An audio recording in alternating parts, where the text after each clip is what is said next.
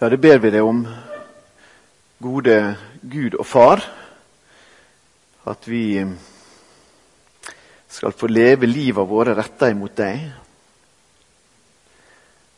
At vi skal vite hvem vi hører til. At vi skal få kjenne den sanne og store lykken i å høre til hos deg. Og lære av de som har gått foran hva det betyr å leve som ditt folk midt i verden. Tal til oss ved De hellige ånd. Amen.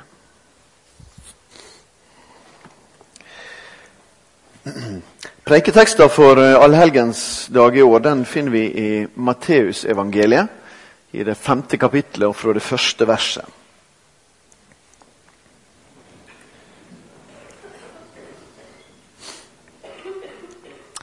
Da Jesus så folkehopen, gikk han opp i fjellet. Der satte han seg, og læresveinene samla seg om han. Da tok han til ords og lærte dem. Salige de som er fattige i seg sjølve.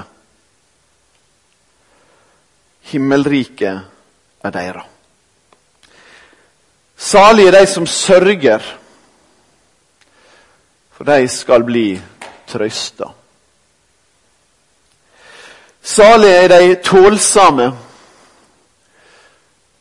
de skal arve jorda. Salige er de som hungrer og tørster etter rettferd. De skal bli mette. Salige de miskunnsomme, de skal få miskunn. Salige de som er reine i hjertet. De skal se Gud. Salige de som skaper fred. De skal kalles Guds barn. Salige de som blir forfulgt for rettferd. Himmelriket er deira. Ja, salige er det når folk for mi skyld spotter og forfølger dykk, lyg på dykk og taler vondt om dykk på alle vis.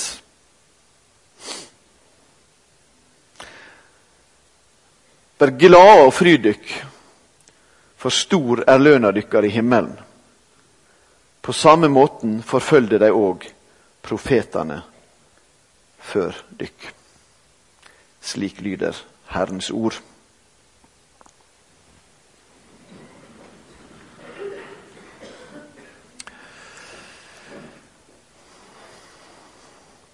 Slik jeg tenker det, så står altså dette i lykkens tegn. Jeg vet ikke om det overrasker noen, men vi har en søndag og vi har en samling som står i tegn av lykke lykke. Og det er ikke liksom på bergensk vis å forskuttere det som ofte ikke blir lykke eh, innenfor den idrettslige verden. Eh, det kan det jo bli, naturligvis, og da er den så uendelig stor i denne byen. Eh, men eh, det er nok en annen eh, lykke da, som det handler om. Og det forundrer kanskje mange at alle helgensdag handler om lykke. Ja, ja, ikke fordi vi ikke ser lykke i målet, men eh, fordi at vi har fått et fokus ofte på allehelgens dag, at vi skal på en måte minnes de døde. Minnes de som har gått bort. Og Likevel, det er nå lykke som står i sentrum. Hva er lykke? Hvor er lykka å finne? Ja, Hvorfor sier jeg lykke, egentlig? Jo, fordi at vi har jo dette ordet 'salig', ikke sant? Og Det har vi også mange rare forbindelser med i språket vårt. Han var helt salig, og da var han på en måte litt sånn vekke i en rus hvis han var helt salig. Ja, ja, det kan kanskje spille på lykke. Men så sier vi også salig Martin Luther og salig Augustin og salig Hans Nilsen Hauge. Og så mener vi at de er døde. Og så satser vi på at vi tar liksom uh, Guds oppgave og kaller deg salig allerede. Eh,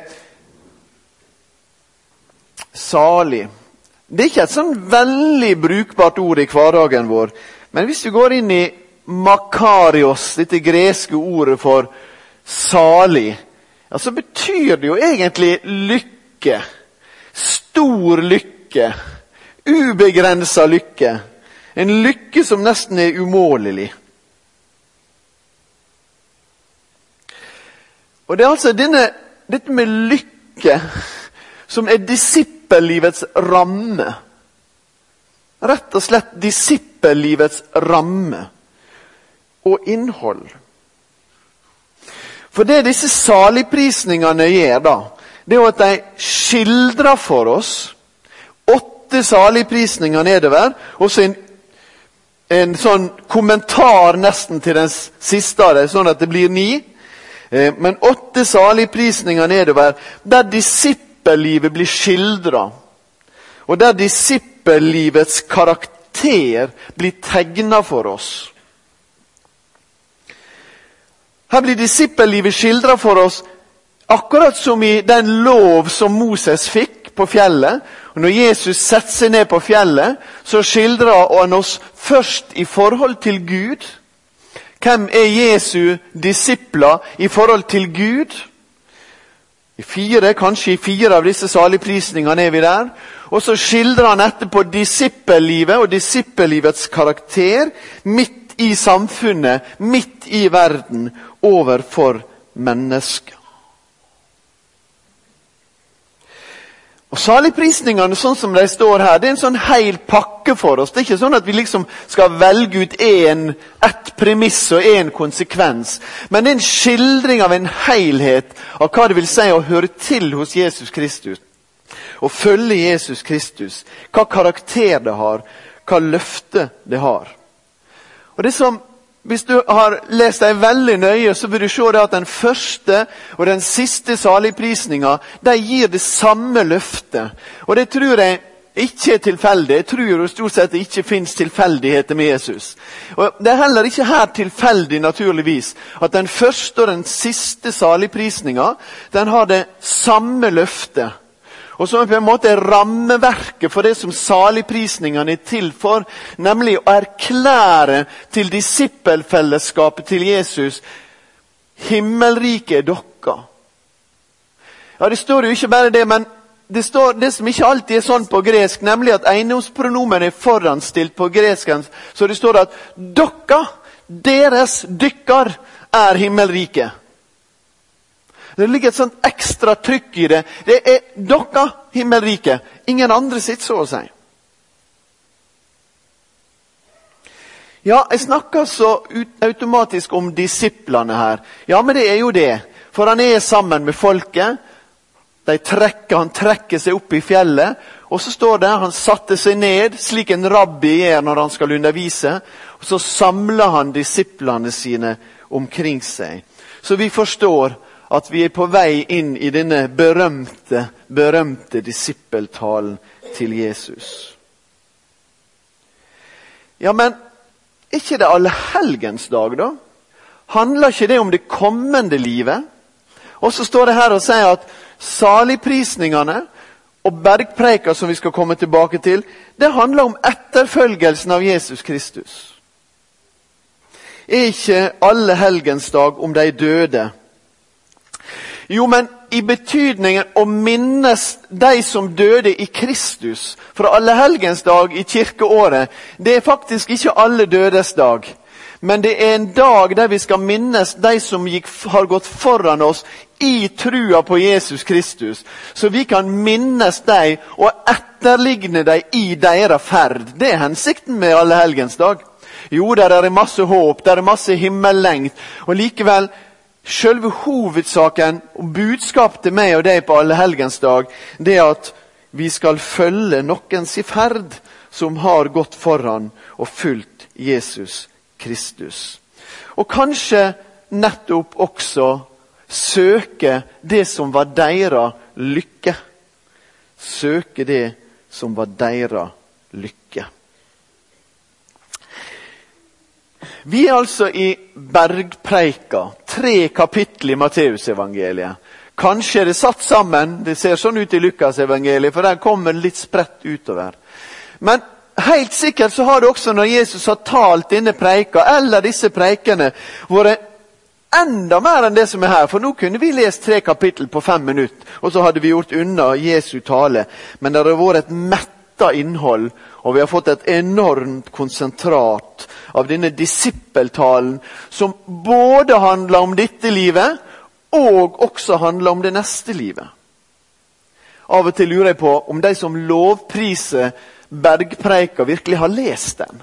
For av og til hører vi jo det, ikke sant? Ja, ja, ja, nei, det, det, er så mye rart med kirka, og det, det, er så mye vi ikke forstår. Men Jesus og bergpreika, ja, da har vi det. Der har vi det. La oss få med oss det, og så kan vi legge vekk alt dette uvesentlige imellom. Og Jeg lurer ofte på, de som sier det, når leste de bergpreika sist? Jeg tror av og til at det må ha vært en stund siden. Vi hadde et seminar her i går som handla om det med frelse og fortapelse. Det som har med himmel og helvete å gjøre.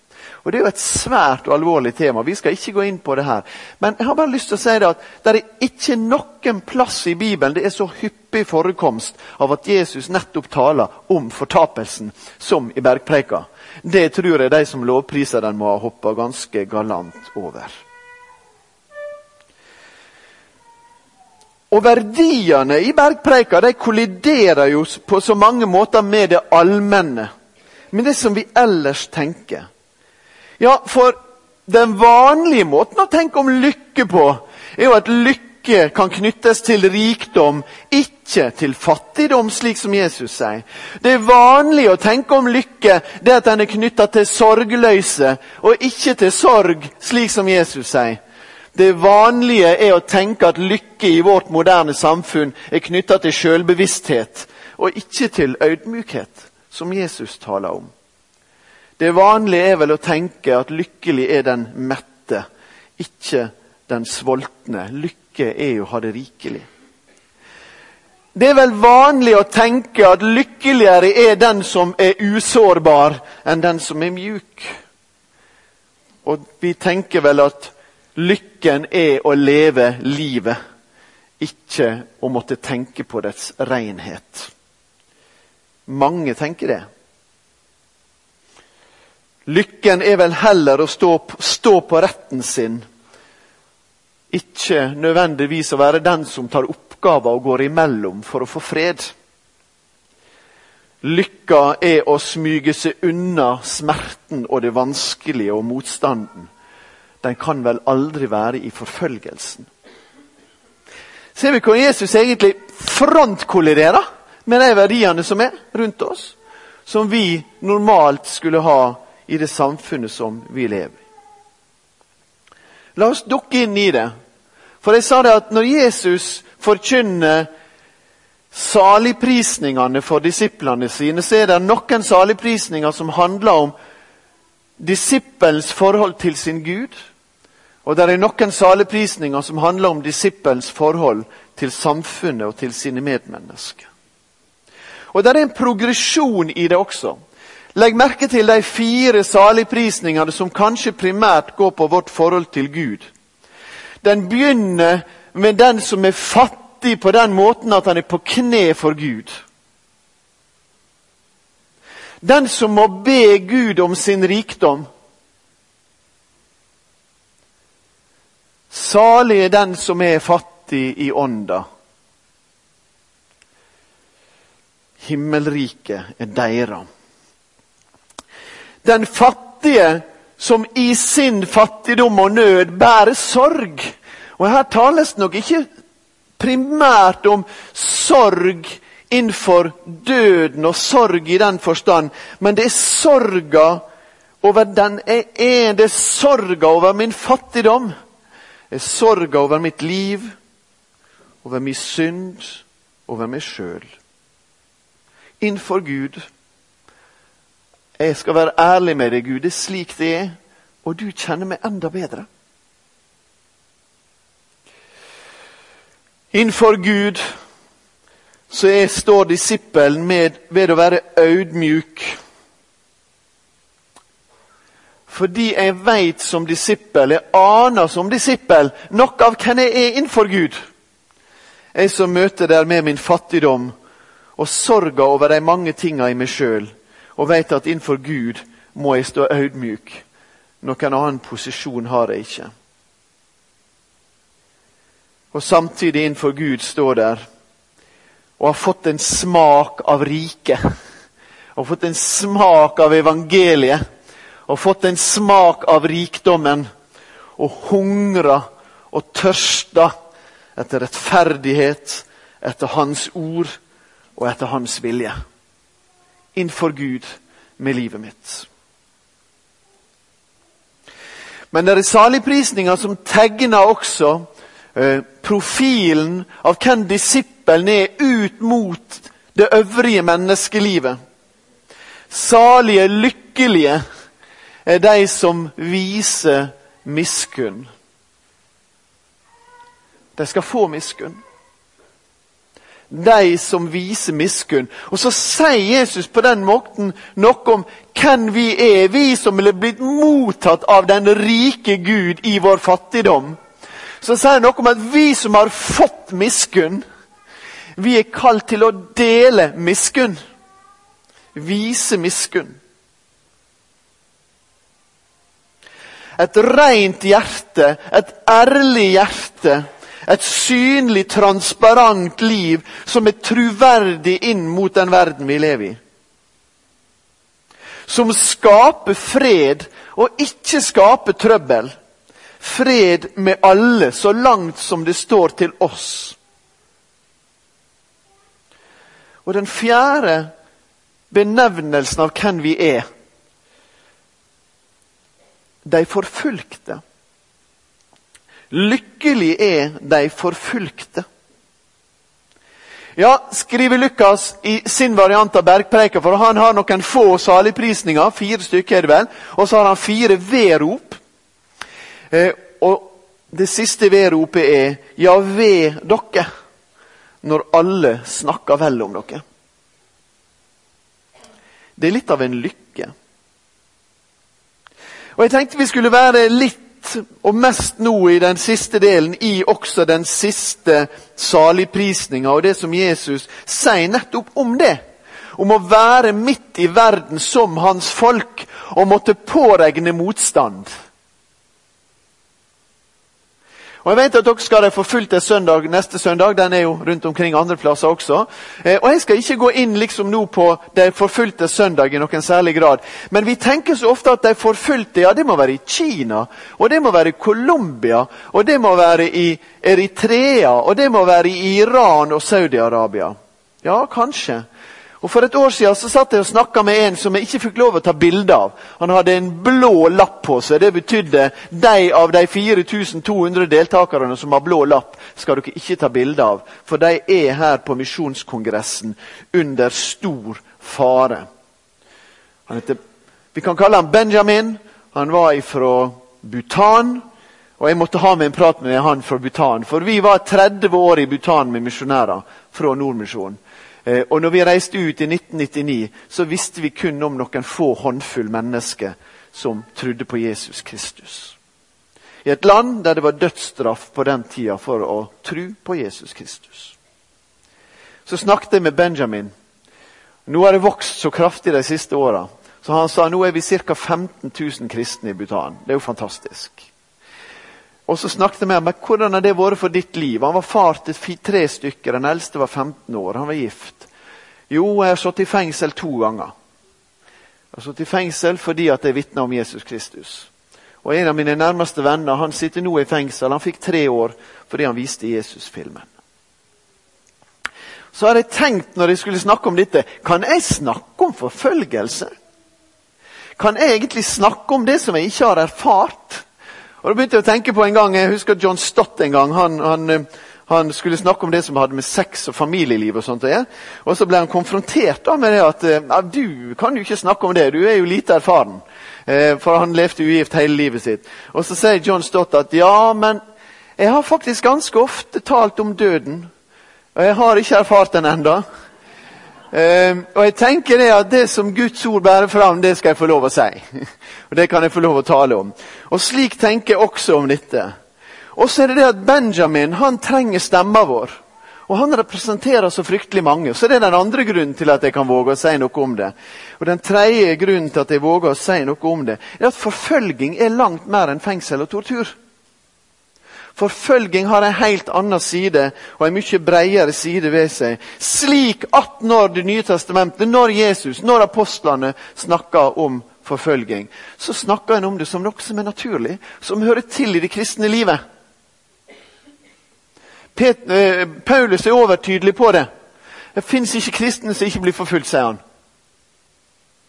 Det hører med til det normale kristenliv. Og Jesus sier det faktisk til oss. Det er en del av saligprisningene. Og det er en del av hele pakken. Det er ikke sånn at vi kan ha de sju første delene og regne med at vi unngår den åttende. Det er en hel pakke av salighet, av lykke, av etterfølgelse.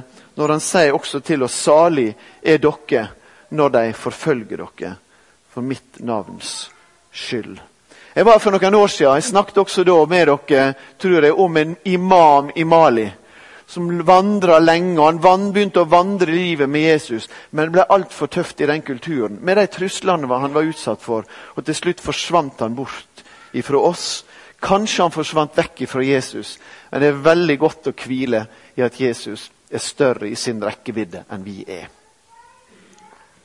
Men det er et særlig trykk på dette hos Jesus. Deira er himmelriket, sier han altså, når vi kommer til det som har med de forfulgte dette å gjøre, og forfølgelsen og motstanden mot oss som kristne. Deira er himmelriket. Forfølging og motstand det er ikke sånn at det er et mål i seg sjøl. Det er ikke 'salig er de forfulgt'. Her står ikke det. Men det står 'salig er dere når de forfølger dere for mitt navns skyld'. Og her står 'salig er de forfulgte um, for rettferds skyld' for himmelriket deres. For mitt navns skyld, for rettferds skyld. Det er ikke sånn det er ikke sånn at vi på en måte skal gå og kjenne på lykken når vi møter motstand fordi vi er vrang og vanskelig. Det er ikke slik at vi skal gå og tenke at vi er salige og vi er, på, vi er på en måte i plan med Guds vilje når vi mangler visdom eller opptrer provoserende. Er ikke slik at vi på en måte kan påberope oss å være forfulgt når vi opptrer i strid med saligprisningene og den etterfølgelsen som Jesus har kalt oss til. Og Det fins kristne som har oppført seg dumt som kristne. Det fins kristne som har oppført seg uvist også med evangeliet. Men det store flertallet av kristne som møter motstand, møter ikke det nødvendigvis fordi en er vrang og vanskelig, men fordi en lever livet med Jesus Kristus. Sørg for, sier Peter, at dere ikke blir forfulgt fordi dere gjør det, det, som er vondt. Sørg for at hvis dere blir forfulgt, så er det fordi dere har gjort det gode. For han kan komme den dagen, skriver Peter også, eh, at de priser likevel navnet deres. Nå når de spotter dere for det livet dere lever, når dere lever rett.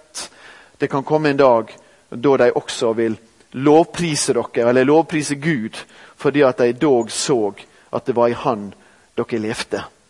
Og Det er påfallende også at akkurat etter saligprisninga kom det et nytt avsnitt i Bergpreika som snakka om det. Om at vi er satt til å være salte på jorda og lyset i verden. Og Jesus avslutta avsnittet med at lyset skal stå der og, og lyse. ikke sant? Slik skal lyset dere lyse for folk, så de kan se de gode gjerningene deres og prise Far dere i himmelen. Tenk på Daniel.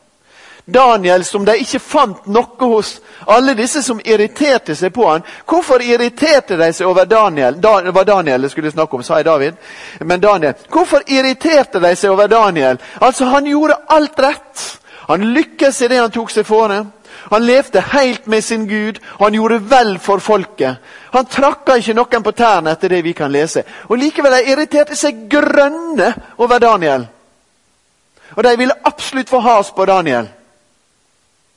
Og Selve clouet var jo med Daniel at um, han hadde en hellig etterfølgelse, og han hadde ei hellig tru.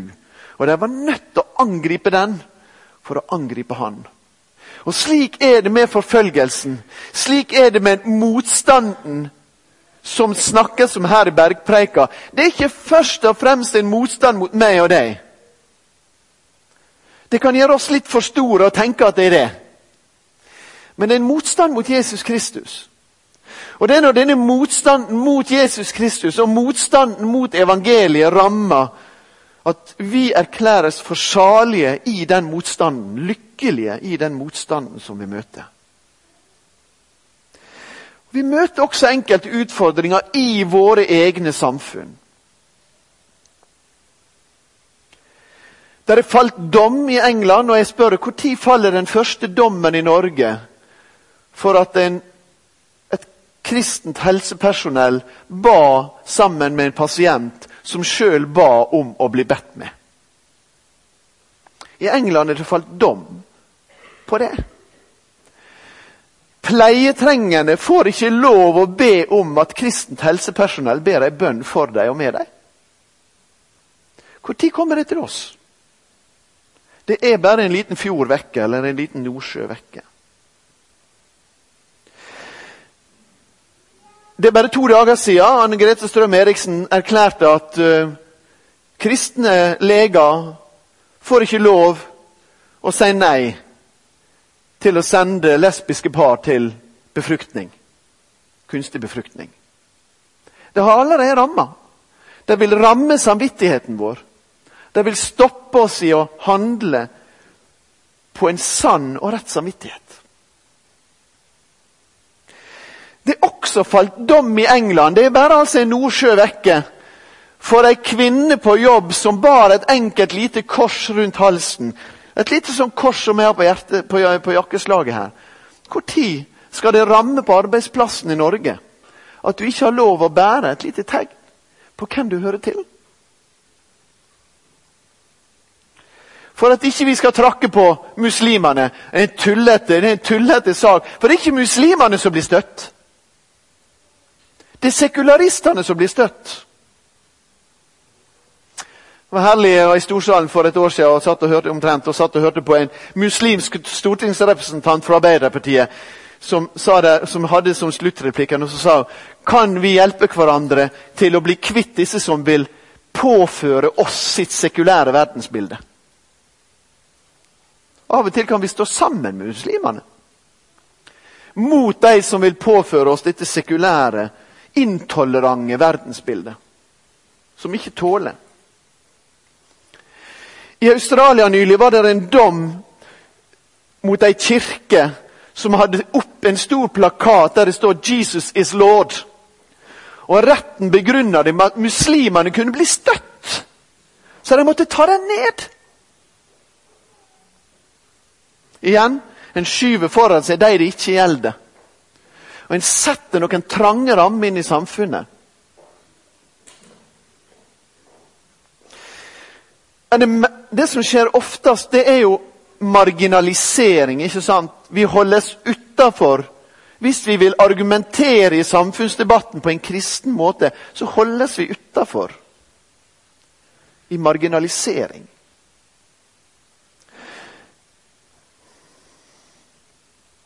Og Så kommer Jesus og så sier han, Salig er de som blir forfulgt for rettferd.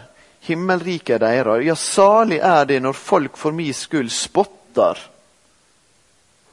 og forfølger dykk. Og Hvis du ikke kjenner at forfølge treffer helt rett, så kanskje noen kunne treffes enda mer nettopp av ordet 'spotter' og forfølger dykk. Lyger på dykk og taler vondt om dere på alle vis. Det er fire ord som blir brukt på det. Ikke bare forfølge, hvis det høres litt for sånn voldsomt ut men spotte, lyge på oss og taler vondt om oss. Opplever du det i din familie? Det er mange som gjør det i Norge. Opplever du det i ditt naboskap? På din arbeidsplass? At det er en slik virkelighet. Så kommer Jesus til oss og sier han, det er normalt. Det må vi regne med midt i verden når vi er vitne. For det er de som vitner, som opplever det. Den som ikke er et vitne midt i verden, vil jo ikke oppleve det. Men Jesus kalte oss til å være vitne til å vitne om seg midt i den verden som han har kalt oss til å leve i. Og det er det som misjon handler om. Det handler jo naturligvis om å krysse grenser, men det handler om å krysse grenser som vitne. Å krysse hverdagens lille grense som vitne. Å være en som synliggjør Jesus Kristus i verdivalgene som vi gjør. Det er mange verdivalgene som vi må gjøre hver dag. Å synliggjøre Jesus Kristus i de ordene vi leverer videre. I det håpet som vi har knytta livet vårt til. I den trøst vi kan trøste andre med. I den miskunn vi kan gi til andre. Misjon har et kors. Etter den første misjonsreisa hadde Paulus både blitt piska og steina. Eh, og Han kom tilbake og så sier han i slutten av misjonsreisa vi, må gå vi må gå inn i Guds rike gjennom mange trengsler. Og Det er normalvilkåret for den kristne kirke. Og Dere i Betlehem er en del av den kristne kirke på jord. Og dere er kalt til å leve med det korset som det er å være et vitne midt i verden. Å bære Jesu Kristi kors. Og tåle spott. Og tåle løgn. Og tåle vanære. Og det som måtte legges på oss. Når vi gjør det rette. Ikke når vi gjør det dumme. Ikke når vi oppfører oss teit. Men når vi gjør det som er rett, for rettferds skyld. Spott har ingen glede, men det er en glede i forfølgelsen. Og hva er gleden i forfølgelsen? Hva er gleden i motstanden? Jo, gleden i motstanden er jo Da er vi tilbake og bare knytter det sammen med alle helgens dag igjen. Gleden i motstanden er lønna i himmelen. Stor er lønna i himmelen. Himmelriket er deira. Himmelriket er ditt. Du som lever der, i livet med Gud. Den fattige som ydmyk bøyer seg for Gud og mottar hans gave. Og kommer med din hunger til Han og mottar det som kan mette din sjel og går ut i verden og gjør miskunn. Og lever ærlig og åpent. Skaper fred. Tar sjansen på motstand. For det er et mål, og det er en lønn som er så mye større. Lønna i himmelen. Himmelriket er deira. Er himmelriket ditt.